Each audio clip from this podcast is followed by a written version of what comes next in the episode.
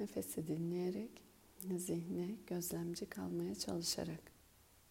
Aslında tek başına kendin içeride kendiliğin önce temel başlangıç merkez olduğunu anımsayarak. Gita üzerinden yaptığımız uzun zamandır sohbetler genel olarak hep kişiye bir bilgelik aktarma niyetindeydi. Bilgelik dediğimiz zaman bilgili olmakla bilgili olma arasında fark var. Bu yüzden iki ayrı kelime var. Bilgili olan ve bilge olan. Bilgili olmak pek çok malumat, dünyanın nesnesine dair fikir, içerik sahip olabilir kişi. Bilge olmaksa dendiğinde bir şey değişiyor olmalı ki böyle bir ayrıca kelime var. Nitekim aslında içinde bildiği bilgiyi davranışlarına ve eylemlerine yerleştirmiş. Bilgi sadece dışarıda duyulmuş olan değil. Kendi içerisinde idrakla ve bu idrak sadece herhangi bir e, nesnel veriyle ilgili değil. Bütün dünyanın varoluşu ve kendisiyle kurduğu ilişki. Bu temelde de aslında en başından beri bize iki genelde diyalektik diyelim ya da iki kıyaslı, karşılaştırmalı kavramla hep sundu sorgulamaya, muhakemeye. O da en başında ayırt etme, muhakeme yetisiyle, analiz etme, fark görebilme yetisiyle geçici olanı kalıcı olandan ayırt edebilme. Bunu yapabilmeyi de ve bunu yaptığında sadece fikir, zihinsel değil, idrak ve gerçekten içselleşmiş bir şekilde. O yüzden içselleşmiş, ete kemiğe bürünmüş, sindirilmiş demek. Böyle bir şekilde yapabildiğinde ancak nesnenin bilgisi, yani geçici olanın kendinden başka, dışarıda olanın kendi olmadan ortaya çıkamayacağını idrakının bilgisi aslında neye gerçeklik ve neye anlam, neye mana atfederek yaşaması gerektiğini de belirleyen bir şey. Bu yüzden de bilge dendiğinde Gita odağında iki karakterimiz vardı. Birisi Krishna isimli bir daha yol gösteren rehber. Diğeri Arjuna isimli daha yolda kalmış biraz daha sağını solunu nereye dönmesine yapması gerektiğini karıştırmış kafası karışık bir yolcu diyelim. Aslında olanın ne olan dediğimizde de dünyanın nesneleriyle varoluşunun nasıl bir bir gerçeklikte o yüzden hikmet diye kelime var Arapçada gerçeklikte olduğunu bilen. Bu biliş de şimdiye kadar hep şunları söylemişti. Zihnin verdiği anlamlar, güzeller, çirkinler, iyiler, kötüler hep göreceli bir bakıştan tekil bir referanstan. Kendinin tekil referansını her şey sanma. Ben ve benim diyerek o tekil bakışla gördüğün dünya üzerinden bunu mutlak sanma. Dolayısıyla aslında her görüntü hep bir yerden görüntü, hep bir bakıştan görüntü.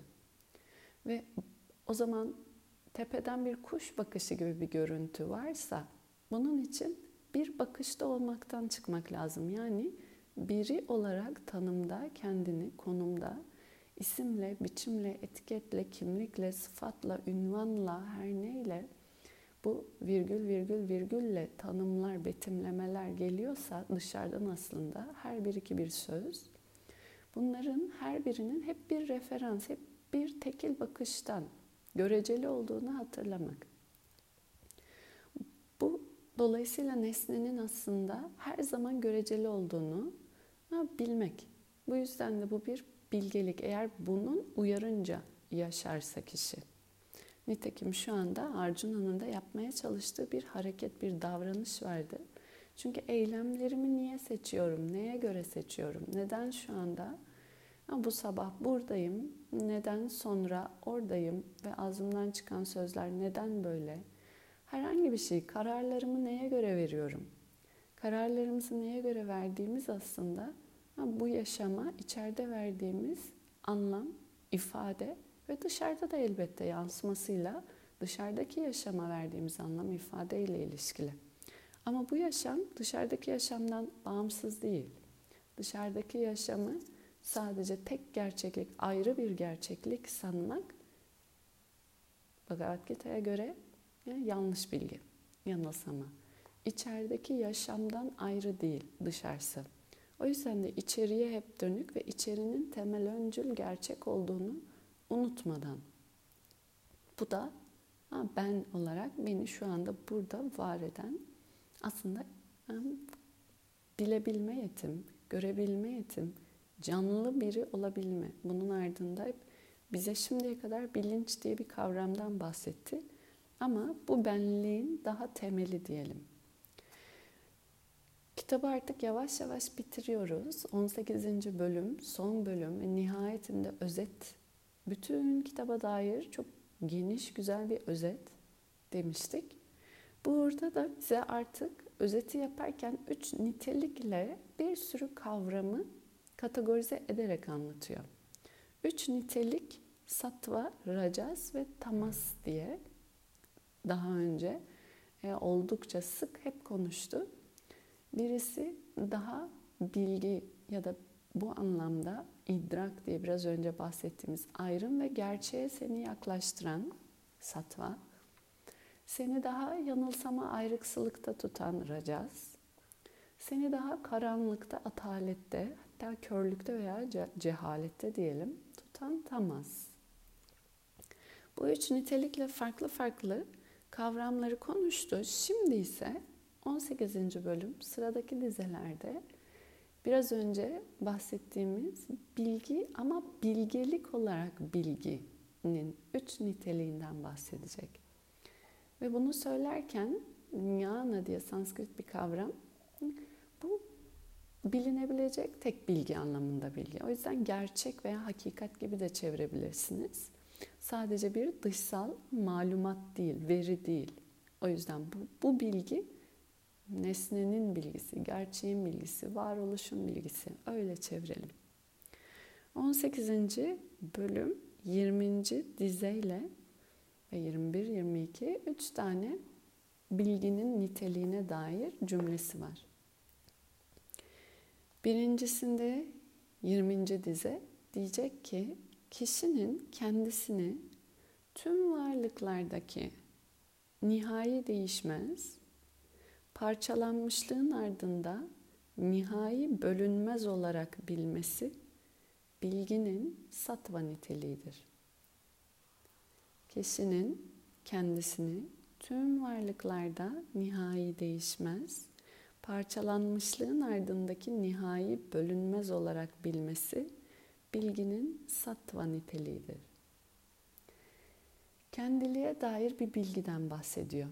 Ve o kendiliğe dair bilgide kişi kendisini bir görüntü değil, tüm söylediğine göre parçalarda değişmez olan neyse kişinin de kendinde aynı değişmez olduğunu bilmesi. Dolayısıyla değişken sıfat veya kimlik, ünvandan ziyade benliği değişmez bir sabitle buna öz veya temel gibi kavramlar verilebilir. Ama şimdiye kadar o yüzden de böyle bir niteliksizce saf bilinç diye kavram geçmişti. Önceki bölümler bu çok uzun bir konu. Şu an tekrar aslında özet yaptığımız için geçmişe dönük yeniden konuşuyoruz. Böyle bir gerçeklik özdeşliği.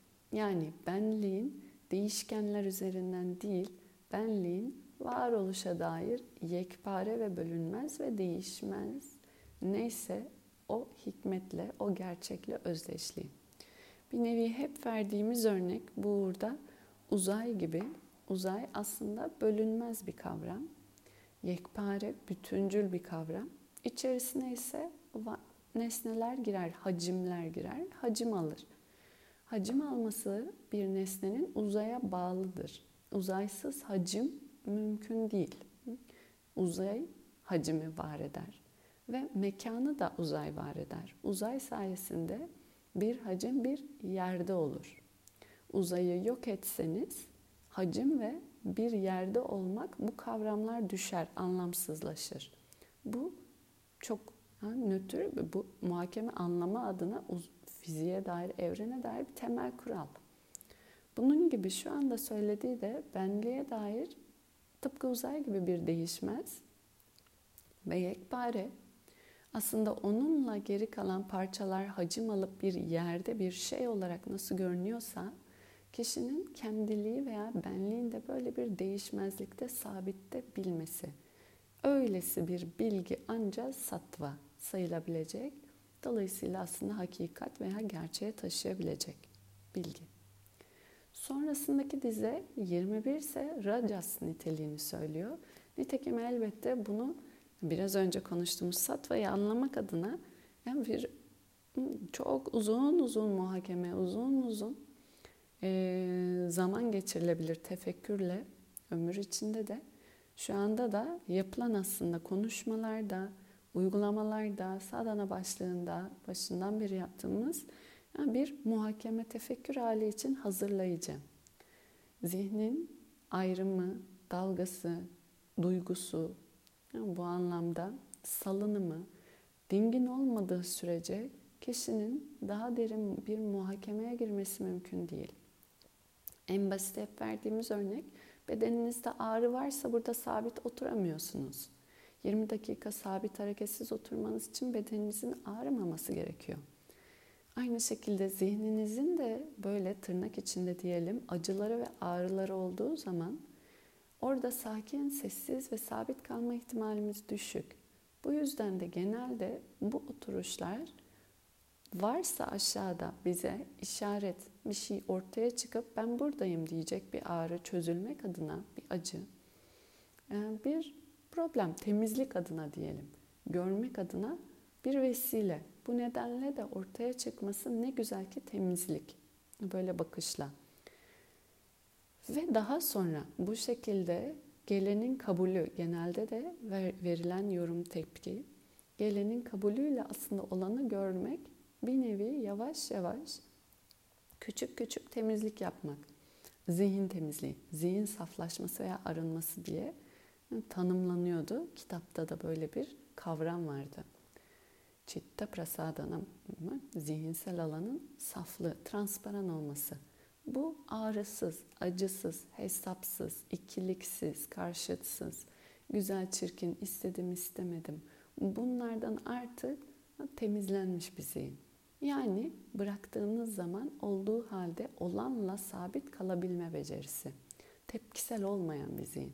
Tepkisel olan bir zihin çünkü yeni bir bilgiyi nesnelliğiyle olduğu haliyle göremez. Sürekli bir bakıştan görecek, sürekli bir referanstan, sürekli elinde bir boyayla hep boyamaya hazır. Dolayısıyla da olanın görülmesi için tepkisel bir zihnin önce terbiye edilmesi lazım ve olanın olduğu haliyle görülmüş hali böyle bir terbiye gerçekleşmiş hali sattva niteliğinde bilgi.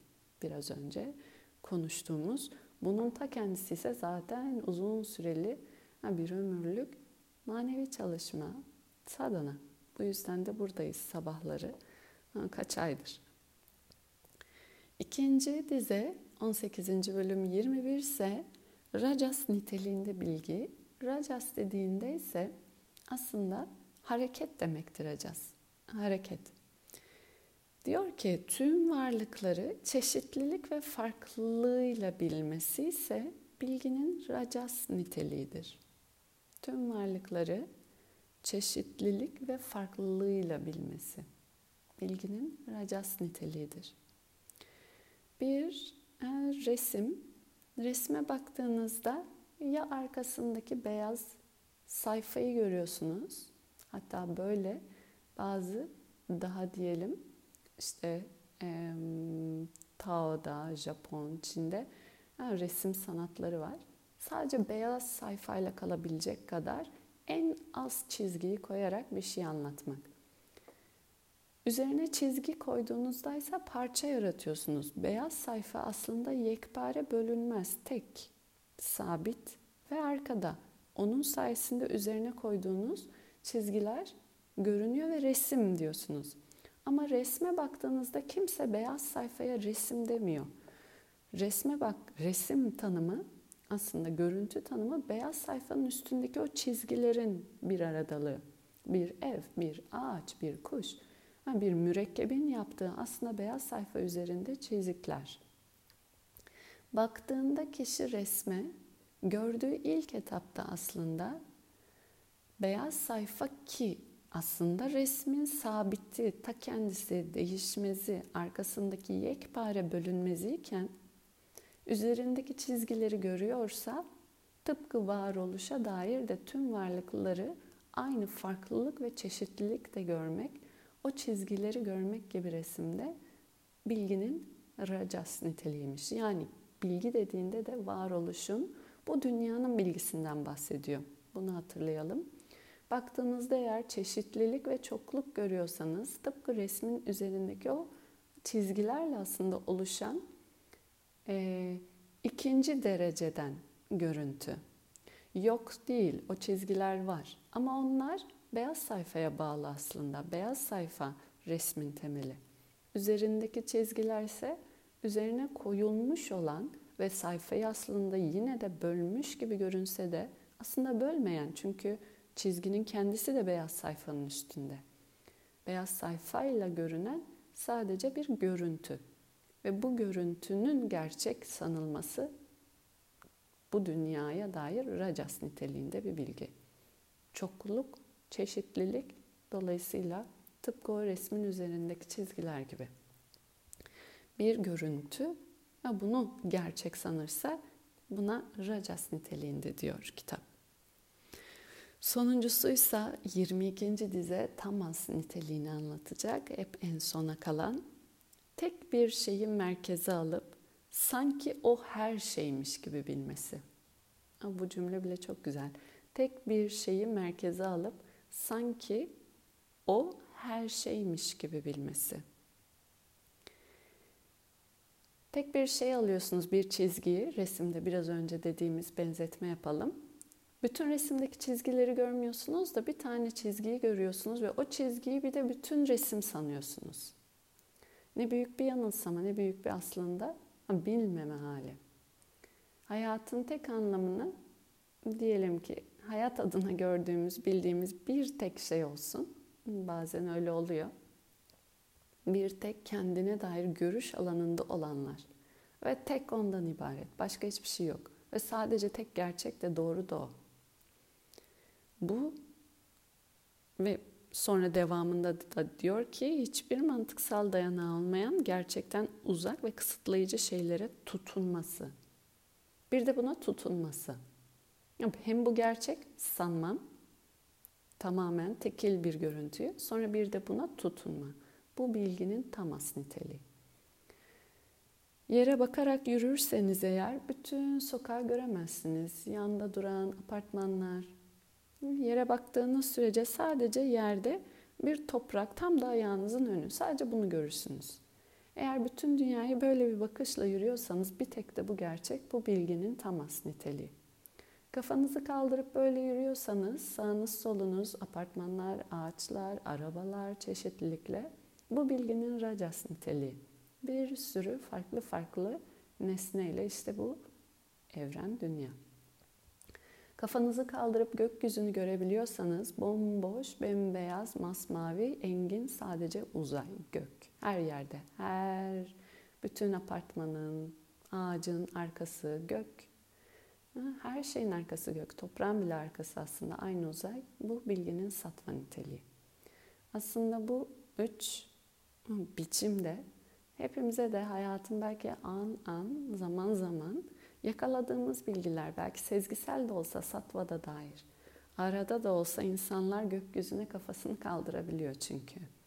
Ne zaman ki yere toprağa bakmaktan boynu ağrıyor artık. Bunu da çoğunlukla acı getiriyor, hatırlatıcı oluyor.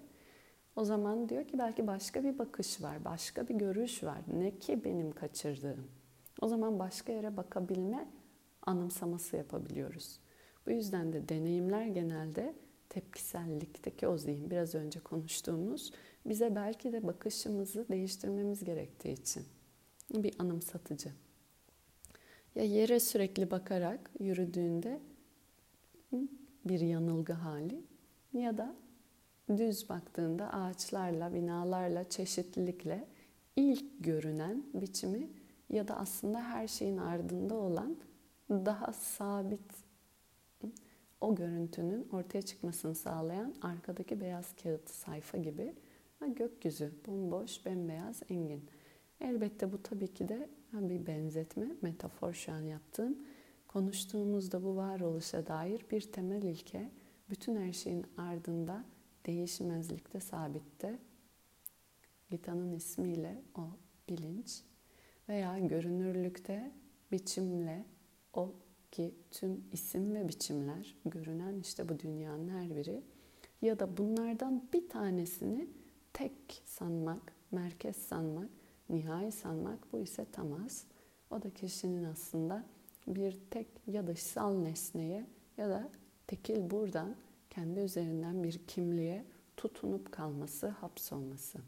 Bu da daha çok aslında zaten başından beri meselesi bu söylediği acıya düşme sebebi. Diğeri ise enginlik, genişlik, sukka, Sanskrit, geniş gökyüzü demek. Da hiç ka gökyüzü, su rahat, geniş ve mutluluk demek aslında. Literal çevresi geniş gökyüzü ama asıl anlamı kullanımı mutluluk, özgürlük veya o loka samasta sukkino bhavantu'da geçen sukka. Engin, geniş, bir gökyüzü gibi olabilsin herkes. Dilerim içeride, içinde demek aslında. Literal çevresi bu cümlenin. Bunu mutluluk olarak belki dilimizde kullandığımız cümle olduğu için çevirelim ama mutluluk demek bile dar kalır bu kelimeye. O yüzden de biterken de bir mantra yine aynı şeyi söylüyor. Sarveşam svastir bhavatu, sarveşam shantir bhavatu. Bu da aynı şekilde herkesin böyle bir huzur, böyle bir genişlik halinde olması adına. Bu dizelerde, bu cümlelerde belki bakışımızı bugün için biraz daha baktığımızın ardında olanı görebilmeye ilham olur. Böylece bitirebiliriz. Üç kez om sesiyle herkese o geniş bir gökyüzü gibi içinde olabilme dileği niyetiyle.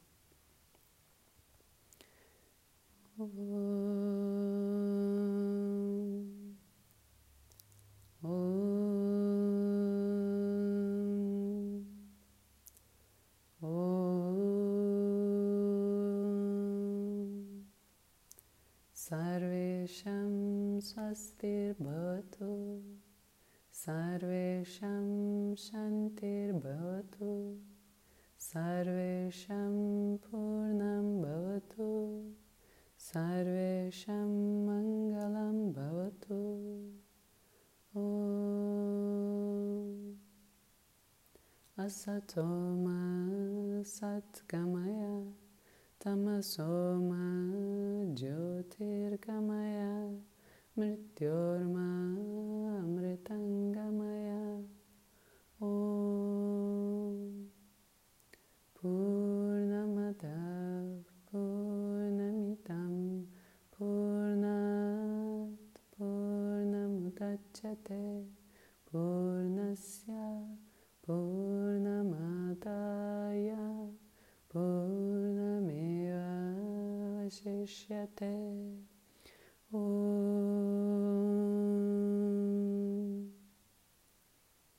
Shanti Shanti Shanti